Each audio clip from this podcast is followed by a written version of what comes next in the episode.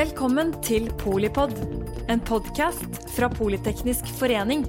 Et kunnskapsbasert medlemsnettverk for bærekraftig teknologi og samfunnsutvikling. Hjertelig velkommen til denne episoden av eh, Polipod, der vi går eh, rett i kjernen av omstillingen av norsk økonomi og spør hvor står vi, og hvor går vi?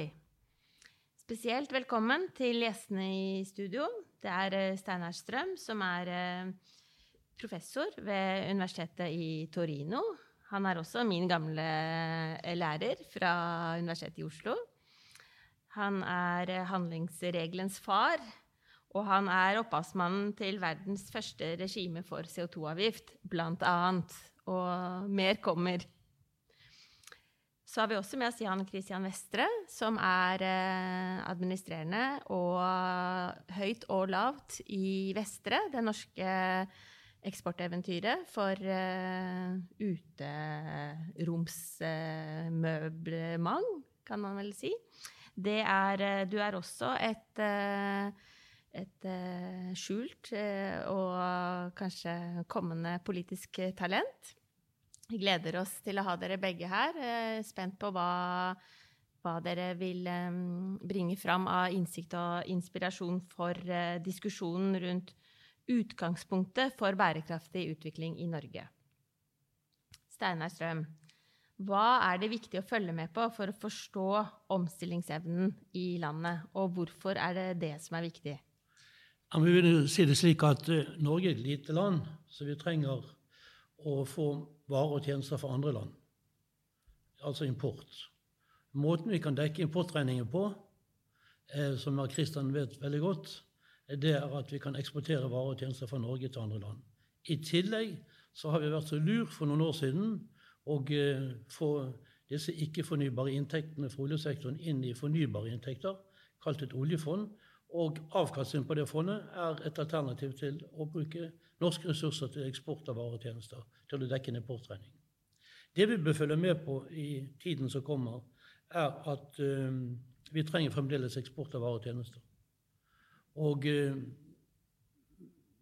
mye tyder vel på at oljealderen har ikke den beste tiden foran seg lenger. Så vi må finne på noe lurere der. Men i tillegg vært gjennom, og er fremdeles i en veldig krise i internasjonal økonomi. Så den har krympet. Om hvor lenge det kommer til å vare, er ikke godt å si. For um, denne epidemien vi har vært igjennom, har vært ganske kraftig og berørt hele verden. Eneste del av verden som ikke har vært berørt, er vel Antarktis og noen øyer i Stillehavet. Her gjelder det å følge med på hvilke markeder kan vi komme inn i med våre med vår eksport av varer og tjenester. Og hvilke varer og tjenester skal det kunne bli? Der må industrilederne følge med, for markedet kan kanskje ha forandret seg ganske kraftig, og kommer til å være ganske kraftig forandret.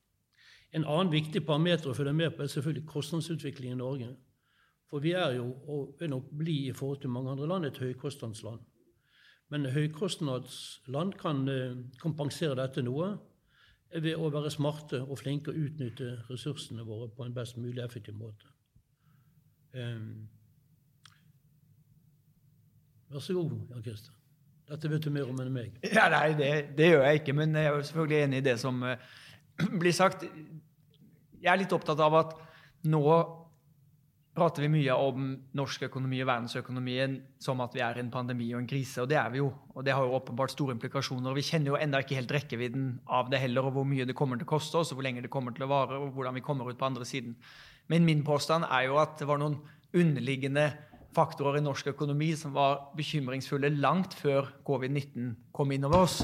Og det er viktig at vi ikke glemmer ut det eh, og prater som at eh, alt sto bra til, for det gjorde det faktisk ikke. Steinar nevnte jo Utenrikshandelen f.eks. Vel, Norge er det landet i hele OECD-området som har tapt størst markedsandeler målt i eksportvolum de siste 20 årene. Eh, Steinar nevnte også at vi må betale for importen eh, selvfølgelig også med eksport. Ja vel, handelsunderskuddet vårt fra fastlandet er mer enn doblet de siste tiårene. Og eh, verdien av norsk eksport totalt sett falt med 70 milliarder kroner i fjor.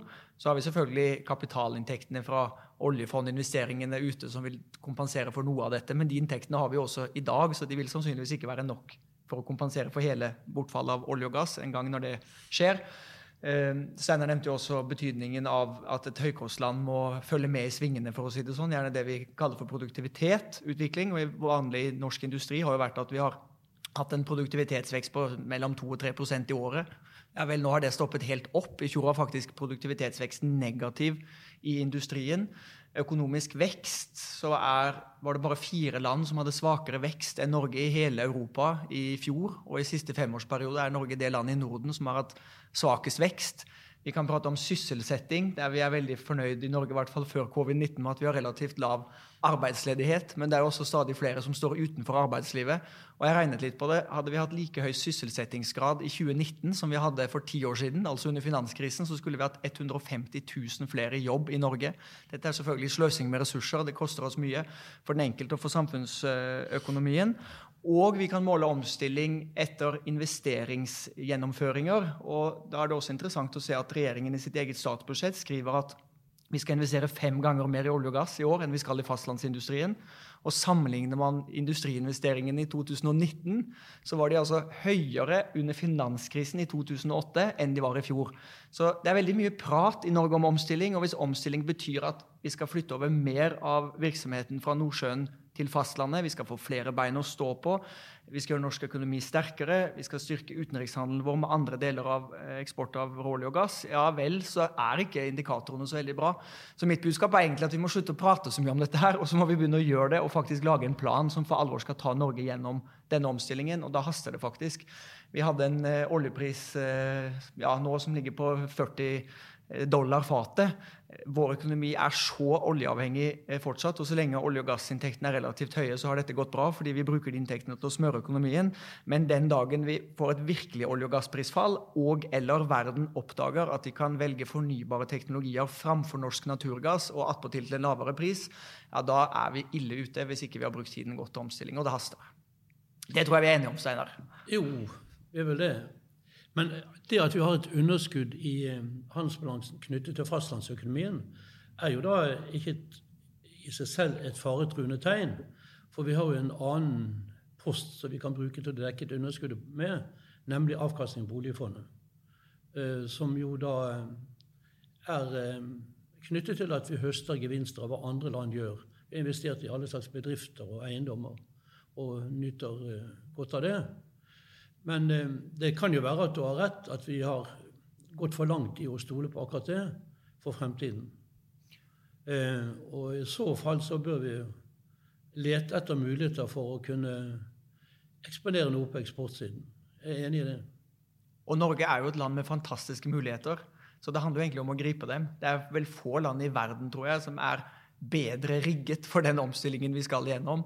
Både å skape nye økonomiske verdier og arbeidsplasser og nye næringer, og teknologiutvikling, forskning, vi har en, en, veldig fremoverlent industri, og selvfølgelig takket være en fantastisk olje- og gassindustri med 50 år i historie, som har gjort oss til verdensmestere på alt av offshoreindustri. Og selvfølgelig all den kompetansen må vi jo bruke i, i, omstillingen også. Jeg er ikke noen motstander av olje- og gassindustrien. Jeg mener det er bra for verden at Norge produserer olje og gass i overskuelig framtid. Vi gjør det renere, vi gjør det med mindre utslipp, og verden kommer til å trenge fossile brensler en tid til.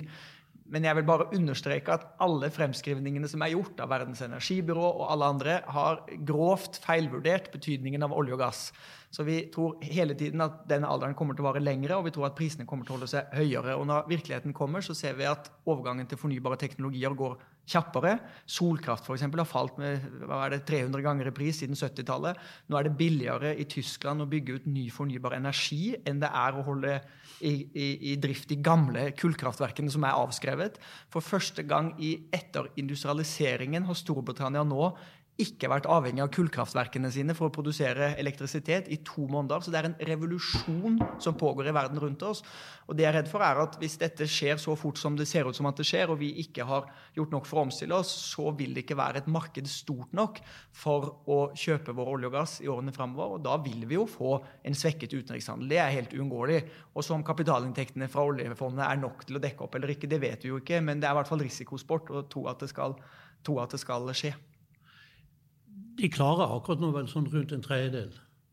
altså avkastning på oljefondet, og dekke vår importregning. Vi snakket mye om eksport og import, men husk på at vi også har en innenriksøkonomi. Og den er dels privat og dels offentlig. Hva som skal være privat og hva som skal være offentlig, er litt avhengig av eh, effektivitet og eh, hva som kan være lurt å gjøre også i offentlig regi. Eh, der vi har et stort problem, og du var inne på Jan Kristian, vi har mistet mange arbeidshender. Spesielt unge, som er parkert på sidelinjen. Det kan være et resultat av et land som har gode velferdsordninger, har råd til det. på en måte. Men vi har i grunnen ikke råd til det heller. Verken ut fra deres egne behov, altså unge folk som mister jobben og ikke kommer ut i arbeid, og dels også norsk økonomi. Hvis vi kan få flere ut av um, skyggenes dal og inn i arbeidsmarkedet, så hadde det vært eh, en veldig fordel for norsk økonomi, både økonomisk og sosialt. Også til glede for sånne som Jan Christian, som driver med eksport. For kommer det mer arbeidskraft inn i Norge, norsk ung arbeidskraft, så er det også til glede for han. Men også til glede for innenriksøkonomien, selvfølgelig. Der har vi et veldig stort problem, og det er litt underkommunisert. Han har rett i det. Hadde vi fått alle de inn i jobb som var før, altså den andelen som var i jobb, hadde hadde kommet tilbake nå, så hadde vi virkelig fått en boost i norsk økonomi. Men det er en tragedie. Og det er jo mulig, fordi man prater jo, eller noen prater om det nesten som en sånn luftslott som at det ikke er mulig, men vi var der jo med den sysselsettingsgraden for ti år siden. Ja. Og, og, og, vi har bevist at vi kan før. Og som sagt, vi skulle vært 150 000 flere jobb med samme sysselsettingsgrad. Og, og, det er jo summen av den politikken som føres, de arbeidsplassene det private næringslivet klarer å skape, effektiviteten i offentlig sektor, det er jo summen av alt dette som utgjør eh, egentlig, eller avgjør hvorvidt vi får folk i jobb igjen. Men det er klart at det er, er fullt mulig. Så jeg er også veldig skeptisk til selv om jeg nå og Steiner også har trukket fram noen indikatorer som er litt bekymringsfulle, som vi må diskutere i Norge, så betyr jo ikke det at vi henger med huet og tenker at uh, nå er de gode tidene over. Jeg, jeg, ser meg litt lei av og til på, på, på, folk som sier i både næringsliv og organisasjon, men også politikere og, og økonomer og andre som sier at nå er de gode tidene over. Akkurat som at det er en naturlov. Det er jo vår evne til omstilling, vår evne til verdiskaping, vår evne til å lage nye arbeidsplasser som bestemmer hvor godt velferdsland Norge kommer til å være i framtiden også. Når noen kloke herrer fant ut at vi kunne skape planmessig en olje- og gassindustri i Norge, gjorde veldig kloke beslutninger på veldig kort tid, bl.a. at ressursene skulle forbli nasjonens eie, at de skulle deles med fellesskapet. Da fremsynte, kloke økonomer som, som Steinar eh, gjorde, gjorde, handlingsregelen, sørget for en forsvarlig innfasing av oljepengene i norsk økonomi, at vi også har noe å leve av i framtiden. Alt dette er jo politiske beslutninger og valg som er tatt. Det er ikke tilfeldigheter. Det er kloke hoder, politikere som har lyttet, som har gjennomført, og som har satt store mål og laget planer for å komme dit. Så jeg tror jo oppskriften har vi allerede. Vi vet hvordan vi har gjort dette tidligere. Nå må vi bruke den samme kreativiteten og samme planmessigheten til å gjøre det. Og så må vi også være være villig til å ta litt risiko. Når Angela Merkel nå for sier at Tyskland skal bli verdensledende på hydrogen, og hun sprøyter inn 100 milliarder kroner av tyske skattebetaleres penger for å få fortgang i den industrien, så er jo det fordi at hun vet at for at Tyskland skal nå de målene, så trengs offentlig kapital. Både for å avlaste risiko, for å få fortgang på teknologiutviklingen, få opp si, effektiviteten og, og, og, ned prisene. Det er akkurat det samme som med elbilsubsidiene. det. Vi bruker 10-15 milliarder i Norge i året på elbilsubsidier. Det har tatt oss i verdenstoppen på elbiler, men det skaper jo ikke arbeidsplasser hjemme. Men det er veldig lett for politikerne å bruke penger på å subsidiere egentlig amerikansk elbilindustri, da, for å være litt stygg. Hadde vi ja, og gjøre Musk rik. Ja, ja, nettopp. Jeg skjønner godt at Ellen Musk er, er norgesvenn. Det hadde jeg vært. Hadde jeg vært han, hadde, han mangler bare hytte, hytte på Kvitfjell, og så er han sånn lue på, på huet, så er han helnorsk. Men, men poenget er jo at vi må jo være villige til å bruke av fellesskapets midler på samme måte som vi har gjort det med elbilsubsidiene, på å hjelpe vår egen industri i gang. Og da mener jeg ikke vi skal kaste penger etter alt mulig slags som høres fornuftig ut. Det må være planmessighet, det skal være fri konkurranse. Næringslivet, teknologiaktørene, forskningsmiljøene må være i konkurranse hele tiden av hvem som kan levere de beste løsningene. Men hadde vi lagt pengene på bordet og satt noen mål, f.eks. sagt at i løpet av fem år skal Norge være ledende på karbonfangst og -lagring. I løpet av fem år skal vi ha sørget for å bygge verdens største park med flytende havvind utenfor norskekysten, som både kan skape titusenvis av arbeidsplasser langs kysten vår, men også fremtidige eksportinntekter fordi vi kan eksportere den kraften til et Europa som trenger fornybar energi for å elektrifisere sine eh, samfunn og komme til et, et fornybart eh, nivå. Så hadde vi jo vært der, fordi vi har ingeniørene, vi har fagarbeiderne, vi har teknologien, men vi prater og prater og prater. og prater. Vi har prata om flytende havvindsteiner i i snart 15 år i Norge. Og nå har vi sånn én mølle som står der, og så kommer Equinor Hywind Tampen neste år med 11 nye møller. og Det er veldig flott. Men det er altså 12 møller på 15 år. Det blir ikke noe storskala industri av det. vet du. Jens Evensen så han var med å, lage norske eventyr, og mange rundt han som, som satt mål gjennomført. De, som nærmest på en, en, helg i et oljedirektorat som ikke var et oljedirektorat, i nye, ja, begynnelsen av 70-tallet, delte opp uh, Nordsjøen i, i, disse blokkene og satte i gang tildelingen og sånn. Det, det, var gjennomføringskraft og handlekraft. De hadde vridd seg i graven hvis de hadde sett hvordan vi holdt på nå med, med fornybareventyrene våre. Som er seminarer og utredninger og diskusjoner og stortingshøringer, men veldig lite gjennomføring. Um jeg bor jo deler av året i Italia. Jeg kjenner godt til italiensk økonomi. Jeg tror de prater langt mer i Italia. Der prates de stort sett hele tiden. Det skjer lite. Det, eh, Men det er det høyere økonomiske sektoren, Den private sektoren, spesielt i Nord-Italia, klarer seg bra. Men det som skjer i offentlig sektor, er ganske dårlig. Her er vi mye bedre på det. Jeg tror vi har en ganske effektiv, oppegående offentlig sektor, tross alt. Selv om noen kanskje klager i disse tider på Nav og sånn så er vi ganske effektive og veldig digitale. For eksempel, det er jo ikke Italia. Når det gjelder det å satse på noe, f.eks. hydrogen eller havvindmøller, så er det viktig at politikerne da forsøker å satse på ting som gjør at etter at de har gitt noe støtte, så klarer disse aktørene seg selv. For det å pøse ut subsidier, f.eks. elbiler, et bankende kjør, er til glede for de som mottar pengene, spesielt Musk. Og det kan kanskje ha bidratt også til noe lavere CO2-utslipp, selv om det er blitt betvilt av mine kolleger i Tyskland. Pga. at det koster en del ressurser å lage disse bilene. Er tunge, svære greier. Det vet jo Jan Christian mye om, for han har en bil selv. Så en tung, svær en. Og det er jo ikke sikkert at det har ført til så mye redusert utslipp. Men det er viktig at politikerne da, hvis de satser for å hjelpe et næringsliv i gang med et prosjekt, at det er noe som skal stå på egne ben etter en stund. F.eks. er jeg da veldig kritisk til at vi skal støtte vindmøller til lands. For det er en vel gjennomprøvd teknologi. Det har vært eh, vindmøller til lands siden 1700-tallet. Men havvindmøller kan være noe annet. Og det kan være at de støtte til prosjekter der, selv, og det gjøres jo. Kanskje i mer, mindre grad enn hva Jan Christian ønsker. Men de kan jo da kanskje få en boost, sånn at de etter en stund får et slags industrialisert eventyr og kan dra i gang sjøl. Men det å bare pøse ut penger for gode formål er ikke opplagt at det er det lureste vi gjør. Og Det er jo dessverre litt det vi gjør nå, da, spesielt i koronatider, men også fordi det er krise selvfølgelig, og det er stor ledighet. Og det er bedre å pøse ut litt for mye enn litt for lite for å være på den sikre siden. Men når det gjelder omstillingen av Norge, det vi skal gjennom de neste årene, og med de underliggende faktorene vi har visst om lenge, så kunne man jo gått mye mer planmessig til, til verks og tatt seg litt bedre tid i å være sikker på at man ikke gjør de feilene som, som det ble sagt her, men, men faktisk går inn i kategorier eller næringer der man vet at det er stor global etterspørsel, der man vet at det er norske komparative fortrinn som gjør at vi er best rigget for dette, og der det er realistiske planer for å få det til. Og vi vet jo fra historien at alle fornybare teknologier har vært for dyre i starten.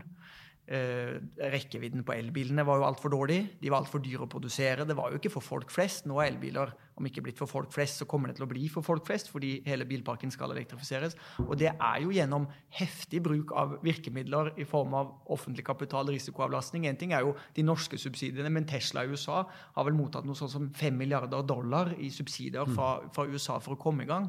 Så, så det er jo, du kan jo nærmest si at det er en sånn slags korrigering man gjør, fordi vi vet at dette er noe som kan bli lønnsomt over tid, men det er ikke lønnsomt nå, og da stiller fellesskapet opp og avlaster risiko. Og så får fellesskapet igjen i form av arbeidsplasser og fremtidige eh, skatteinntekter. Det er jo også det samme vi gjør med risikoavlastningen for, for oljeindustrien, f.eks. Med, med oljeskatteregimet. er jo den samme type eh, tankegang, at det lønner seg for samfunnet på sikt, og det har jo beviselig også det gjort.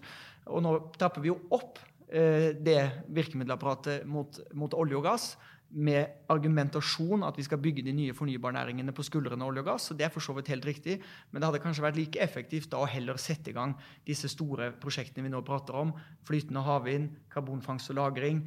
Tenk hydrogen, Vi snakket om Tyskland og hydrogensatsingen der. Men tenk hvis vi lykkes med karbonfangst og -lagring i Norge, og med de fantastiske naturgassressursene vi har, som varer i 100-150 år til, så kan faktisk Norge produsere hydrogen til hele Europa, som elektrifiserer bl.a. transportsektoren, basert på norsk naturgass som er renset. Da kan vi gjøre naturgassen vår helt grønn, ingen CO2-utslipp produsere hydrogen, som er avgjørende for å komme til fornybarsamfunnet, eksportere den i stor skala, sørge for at vi fortsatt er en stormakt innenfor energi, og vi kan gjøre det lønnsomt, skape arbeidsplasser og, og skatteinntekter. Så, så mulighetene er her.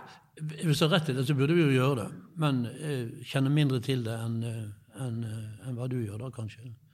Om det er mulig for Norge å komme i en slik posisjon og bli verdens, eller europaledende på hydrogen. Polyteknisk forening er jo bransjeforeningen for eh, CO2-fangst eh, og -lagring i Norge. Og analysene viser jo at det er fullt mulig å ta en sånn posisjon. Det er en oppstartsinvestering som kreves, men eh, det er fullt mulig å, å bli en nasjon som eller, si, leverer gass med pant. Og sånn sett etablerer infrastruktur og verdikjeder da, for hydrogen. Ja, det er mulig det er rett. Men vi husker jo alle Jens Stoltenbergs månelanding. Det var jo da ikke knyttet til industri, ikke sant? men det var eh, ja. Men det gikk jo ikke så men, bra. Eh, men jeg må spørre dere, altså fordi Du ga meg stikkord om, om, historien, da. Med, og jeg har jo satt meg inn i Politeknisk forenings eh, eh både 100-årsverk og 150-årsverk, og snart kommer 175-års. Eh, begrepet um, Romerrikets fall går igjen. Det syns jeg er litt interessant. Fordi man har snakket i disse rommene om at nå er vi, er vi, blitt så fete og late fordi vi har uh, sant, Første gang det kom opp, så var det vannkraften som dopet oss og ikke gjorde oss i stand til å utvikle industri og, og, og diskusjonen rundt hvordan man skulle håndtere offshore naturressursene. Da snakket man om Romerrikets fall, og, og, om tiden var eh, forbi for norsk verdiskaping, egentlig. Så hva, og, og, så har vi jo motbevist det, og du er jo egentlig et eksempel selv, da. Uh, unge Vestre, uh, den yngre. Kan du ikke bare si litt hva du helt konkret gjorde som en eksportbedrift som tok tak i uh, egentlig rollen i, i dette spillet? Ja, Vi er jo norsk møbelprodusent som har all produksjon i Norge og Sverige. Så i Skandinavia, Høykostland, jobber sammen med norske designere. skaper sosiale, attraktive uterom som fører folk sammen på tvers. fordi da skaper vi mer tillit og samhold og tilhørighet til samfunnet, og mindre konflikt og polarisering, og det er veldig viktig. Så det vi gjør, er egentlig et sånt stort demokratiprosjekt, syns vi selv, da. Fører folk sammen. Det handler ikke om møblene. Men det handler jo også om møblene, for de er jo redskapet for å komme dit. Og vi eksporterer til stadig flere land. Det vokser 20% i året. Har nå etablert oss med egne kontorer i Berlin og London og New York. USA er det markedet som vokser raskest. Tredoblet omsetningen der så langt i år. Masse kule prosjekter. Times Square i New York og mye annet. Og jeg mener at norsk ferdigvareindustri, som vi er en del av, har alle muligheter til å bli betydelig større. Vi kan nok helt sikkert doble verdiskapingen og sysselsettingen de neste ti årene fra ca. 120 milliarder til det dobbelte. Og det er fordi at verden er opptatt av norsk design. Verden eh, ser at norske produsenter leverer kvalitet. Vi har bærekraftig produksjon. Du nevnte vannkraft. Det er vel få land i verden som kan produsere industrielle produkter med mindre CO2-utslipp enn oss. Både fordi vi har ren energi, men ikke minst fordi vi også har tilgang til råvarer som har lavere CO2-utslipp enn stort sett alle andre land. Vi har den norske modellen, omstillingsevne i arbeidslivet, relativt små forskjeller mellom folk, høyt utdanningsnivå. Folk opponerer, vi tenker utenfor boksen, vi er kreative. Det betyr at vi kjapt finner eh, løsninger på gamle problemer, og det går hurtig å implementere dem. Eh, og selvfølgelig kronekursen nå har jo styrket eksportbedriftenes konkurransekraft vesentlig. Så ja, mulighetene er store. Vestre er bare ett eksempel. Vi kan ikke ta Norge gjennom noen omstilling, men vi kan gjøre vår del av jobben, og så kan vi få med oss flere industribedrifter til å, til, til, å, til å, være stolte over hva vi får til i Norge. Og så må vi tørre å reise ut, tørre å satse på eksport. Det er der det største markedet er. og da har Norge faktisk veldig store muligheter. Men det er veldig viktig å huske på at det er jo ikke én ny superprofitabel næring etter olje og gass vi snakker om. Vi trenger jo et mangfold av grønne, bærekraftige, lønnsomme, ikke minst, næringer over hele landet. Så, så, de som tror at vi leter etter to, tre, fire næringer vi skal leve etter oljen, det tror jeg er veldig feil. Jeg tror det er farlig også å bi seg ut på den diskusjonen. fordi det er jo næringslivet, og kreativiteten, i egentlig hele samfunnet, og at det dukker opp nye ideer og muligheter som ingen tenkte på tidligere, som er jo suksessfaktoren for å få det til. Men så mener jeg likevel at vi har noen fortrinn som er så åpenbare at det likevel er grunnlag for å gå mer planmessig til verks og si at innenfor disse og disse områdene har vi så store muligheter at her må vi nå lage en plan og jeg mener den planen må være på tvers av politiske blokker og farge, for det er langt utover et fireårsperspektiv vi prater om her. Det må være på tvers av landsdeler og på tvers av teknologier og forskningsmiljøer og bransjer. Men en, en, en plan som virkelig monner, som er konkret, som er visjonær, eh, hvor vi er villige til å bruke de pengene som trengs for å få dette til. Så har vi jo vist før at vi får det til. Og Steinar nevnte månelandingen. Må veldig kort kommentere, Det var ikke det du spurte om, men jeg må si likevel, for du nevnte månelandingen til Jens Stoltenberg. Og jeg syns det er veldig bra du sier, fordi det, det, mener jeg er så dekkende betegnelse. Jens hadde jo, Stoltenberg hadde jo et, en visjon om at Norge kunne bli ledende på karbonfangst og -lagring. og Det var den norske månelandingen. Ja, vi kom ikke helt dit. Vi lyktes ikke med karbonfangst og -lagring så langt som vi håpet. Og det kostet en del milliarder. Men det skapte verdens beste forskningsmiljø og teknologimiljø på karbonfangst og -lagring, mm. som vi nå trenger for å ta Norge over i neste fase av karbonfangst og -lagring. Og det må ikke bli sånn i Norge at ingen politikere tør å tenke stort, tør å være visjonære, tør å sette store mål, fordi vi risikerer at det tar litt lengre tid å komme der, det koster litt mer penger å komme dit enn det vi opprinnelig hadde forutsatt. For da får vi en gjeng med dølle politikere som ikke tar risiko, som egentlig ikke bryr seg så mye så lenge de blir gjenvalgt etter fire år og ikke får med VGs leder å gjøre eller trøbbel i kontroll- og konstitusjonskomiteen. Det er ikke sånn vi driver innovasjon. Alle vi som er i næringslivet, vet at innovasjon det er risiko. Eh, det koster penger. Vi vet ikke alltid om vi havner der vi har tenkt, men det kan nok være noe argument for å bremse utviklingen. Da, da Kennedy sa på begynnelsen av 60-tallet at vi skal, vi skal, til månen innen dette tiåret er omme, koste hva det koste vil. Han sa til og med We choose to go to the moon not because it's easy, but because it's hard. Han visste jo ikke hva det kom til å koste. Han visste ikke engang om de hadde teknologien, om de hadde kraften til å klare det. Men det at Kennedy satt det målet, trodde på det, det skapte jo et brus i hele den amerikanske økonomien. Alle skulle bidra til dette fantastiske eventyret. Og når de 20. eller 21. juli 1969 landa på månen, så følte hele USA at det var deres suksess at de hadde gjort det sammen og kommet dit. Og det tok USA til helt i verdenstoppen på romfart. Men Kennedy kunne selvfølgelig sagt den gangen at jeg tør ikke å si at vi skal være der innen ti år omme, for jeg vet ikke om vi klarer det. Eller jeg tør ikke å sette dette målet, for det er ikke sikkert. Men vi trenger visjoner for å faktisk komme dit. Og da må vi også være villige til å risikere at noen ganger får vi det ikke til. Men det er pokker meg prisen å betale. altså. Så mer visjoner i norsk politikk, flere månelandinger i norsk politikk, det er det vi faktisk trenger. Eh, eh, firmaet Vestre, som han er leder for, har jo vist at det går an å lykkes selv uten visjonære politikere. Han har klart det på egen maskin. Sånne industriledere trenger vi mer av. Det er klart at eh, det kan være lurt at noen politikere tenker stort. Oppsiden er at eh, det viser seg at de tenkte stort i den riktige retningen. Nedsiden er at de kan ha tenkt stort i den gale retningen. Det finnes eksempler i historien på det òg. Og så er det slik at politikerne tenker jo ikke i et vakuum. De søker råd. De har rådgivere. De har folk som presser på, som gjerne vil ha støtte til store ideer. Det er en fare, for her kan det jo være slik at noen vil gjerne ha støtte, selv om ideene kanskje ikke er store nok, men de får iallfall penger. Jeg skal ikke gi noen eksempler, for det er litt dumt akkurat nå, men eh, det er en fare at politikere kan bli utnyttet. Og politikerne lar seg også utnytte, for de er jo opptatt av å få stemmer. Hvis du skal få stemmer i et kortsiktig perspektiv og gi penger til noen, så kan det være noe de er interessert i. Men jeg er enig i at det, det er noe som heter the infant industry argument. At det kan være lurt å støtte en industri som er i en startfase. Den er ikke lønnsom akkurat nå, men den kan bli det i fremtiden. Og det kan være viktig å, å skaffe seg innsikt i. Det, det, er ikke lett. Og det er ikke noe politikere kan finne så lett ut av heller. De trenger gode rådgivere som er uten egen interesse i å få pengene. Um, så um, enig i det. Det kan være lurt å tenke stort, men har en nedside også. Um, men du skulle vel egentlig en... være i posisjon til å lage en sånn masterplan, da? Hvis du satt uh, og fikk æren av å, å være planøkonomiens vel, Hva ville stå ikke... i din masterplan, Steinar?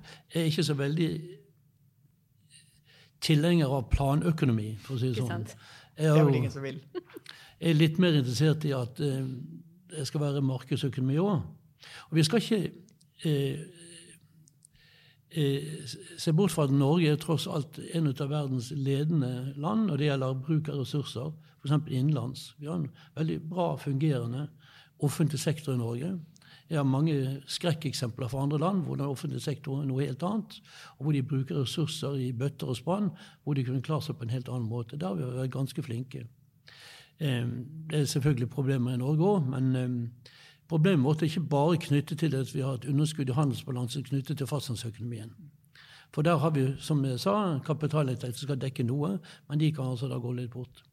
Når det gjelder næringer, når vi skal snakke om status i dag, så eh, har vi vært gjennom en kraftig Vi er fremdeles inne i en kraftig pandemi. Og Det kan være at den kommer til å vare lenge, og det kan være at den blir erstattet av andre. Det har vært flere i de senere tiårene enn det har vært i årene før. Eh, Riktignok er verdenssamfunnet i stand til å håndtere slike kanskje med bedre måte enn det var for 100 år siden. og sånt. Gud vet forresten, det er jo fremdeles vaske hender og sånn som er den beste teknologien. Men det kan ha forandret internasjonal økonomi, og det gjelder å finne ut av det akkurat nå. Er dette et varig spor som blir satt? I så fall så vil én næring pekes ut, en av de største eksportnæringene vi kanskje har, nemlig reiseliv og turisme. Det kan være at den har fått et skudd for baugen. Og um, Da er det viktig å ta inn over seg og finne ut av det. For hvis det er slik at uh, folk nå har blitt redde og uh, viker tilbake for å dra for mye ut og reise og besøke andre land, og uh, cruiseskip f.eks. har kanskje fått et skudd for baugen, både fra miljømessig hensyn, men også pga. at der sitter innelåst i et skip. Og det kan være at frykten har spredt seg blant folk, og da blir det mindre av det òg. Og da får vi en reiselivsnæring som blir langt mindre. Dette bør i hvert fall sjekke og finne ut av. Se om dette kan ha satt varige spor i folks atferd. Ellers så syns jeg det er flott at vi har eh, industriledere som Vestre som klarer seg uten store visjonære politikere. Sånne skulle vi hatt flere av. Ikke sant, Jan? Ja, ja, det er hyggelig. Vi, vi har i hvert fall visjoner. Vi skal, eh, vi skal videre og både bli størst men, men så er det også slik at til tross for at du klarer deg veldig bra på egen maskin, så er du litt opptatt av at landet skal klare seg også der hvor det ikke klarer seg for egen maskin. Det er altså en politiker som taler. Han er en skikkelig flott politiker. Vi bare skal ha flere av sånne. Det hadde kanskje blitt litt uansvarlig pengebruk når vi begynte å diskutere forståelsen av handlingsreglene og hva vi kan eh, Men det, er også viktig på nå har vi pratet en del også om betydningen av offentlig kapital for å komme i gang. Og det er jo klart det er bare én del av den totale pakka som må, må, på plass.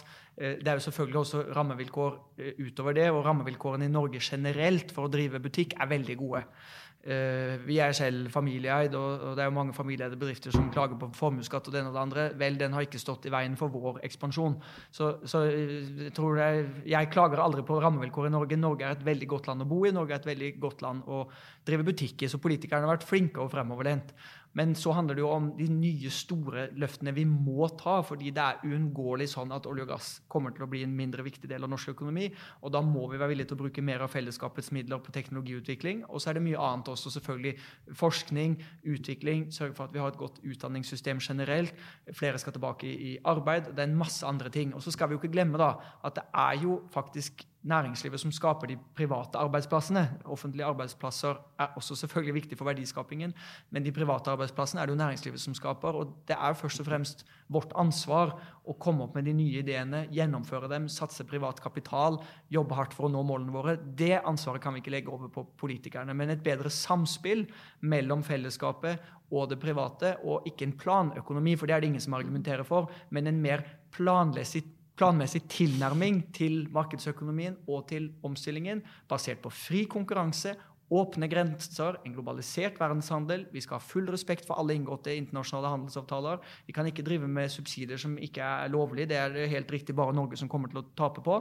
Men vi kan bruke handlingsrommet vårt maksimalt, mer enn det vi gjør i dag. Og så kan vi i hvert fall være enige om at vi kan bruke like mye penger på å hjelpe i gang våre egne fornybare næringer som det vi er villige til å subsidiere utenlandske selskaper med, som driver med teknologiutvikling i andre land. For det er ikke veldig fremtidsretta. De to mest profitable næringene de siste årene eh, tiårene kanskje, har vært olje- og gassindustri og legemiddelindustrien. Vi er tungt inne i olje og gass, vi er ikke inne i legemiddelproduksjon. Kanskje vi burde vært det. Vi har gode eh, menneskelige ressurser, mye kunnskap i dette landet. Vi har mange flinke, spesielt jenter, som jobber i, i, i helsesektoren, også i legemiddelsektoren, uten å produsere legemidler. Men kanskje vi burde satse mer der. Hvorfor ikke? Det høres ut som et, eh, en god avrunding på hva vi kan se for oss kommer av eh, hvordan vi utnytter komparative fortrinn i eh, Norge. Nettopp. Legemidler. Hva sier du, Ikke? Det kan godt være. i hvert fall sørge for at vi har grunnleggende ting på plass neste gang vi blir møtt med en eh, pandemi. tror jeg vi skal ha. Det er flott med frihandel og at vi kjøper ting fra utlandet, men vi må da for pokker klare å ha grunnleggende ting på egne lagre, og sånn at vi er bedre forberedt neste gang. Det bør være det minste folk skal kunne forvente, syns jeg. Det tror politikerne nå har lært. Et føre-var-prinsipp. Beredskap er, eh, er en del av det. Innovasjon eh, som eh, risikosport er vel også en del av det, i forhold til at vi faktisk har en veldig trygg posisjon å, å bygge på som nasjon, med, med en, en liten åpen økonomi, en stor global økonomi, rett og slett. Takk, tusen takk for et uh, lynkurs, vil jeg si, i samfunnsøkonomi og, og hva som skal til for uh, at Norge som nasjon skal omstille økonomien til å bli eh, like uh, bærekraftig som den har vært, og kanskje enda mer med den energien og, og ressursene og ikke minst kompetansen vi har å, å by på. Takk til Steinar Strøm, professor ved Universitetet i Torino. Takk til eh, Jan Christian Vestre, CEO i eh, Vestre. Og tusen takk til deg som eh, lytter til Polipod. Takk for at du lyttet til Polipod fra Politeknisk forening. Få med deg flere episoder, eller bli med på nettverksmøtene som du finner på at polyteknisk.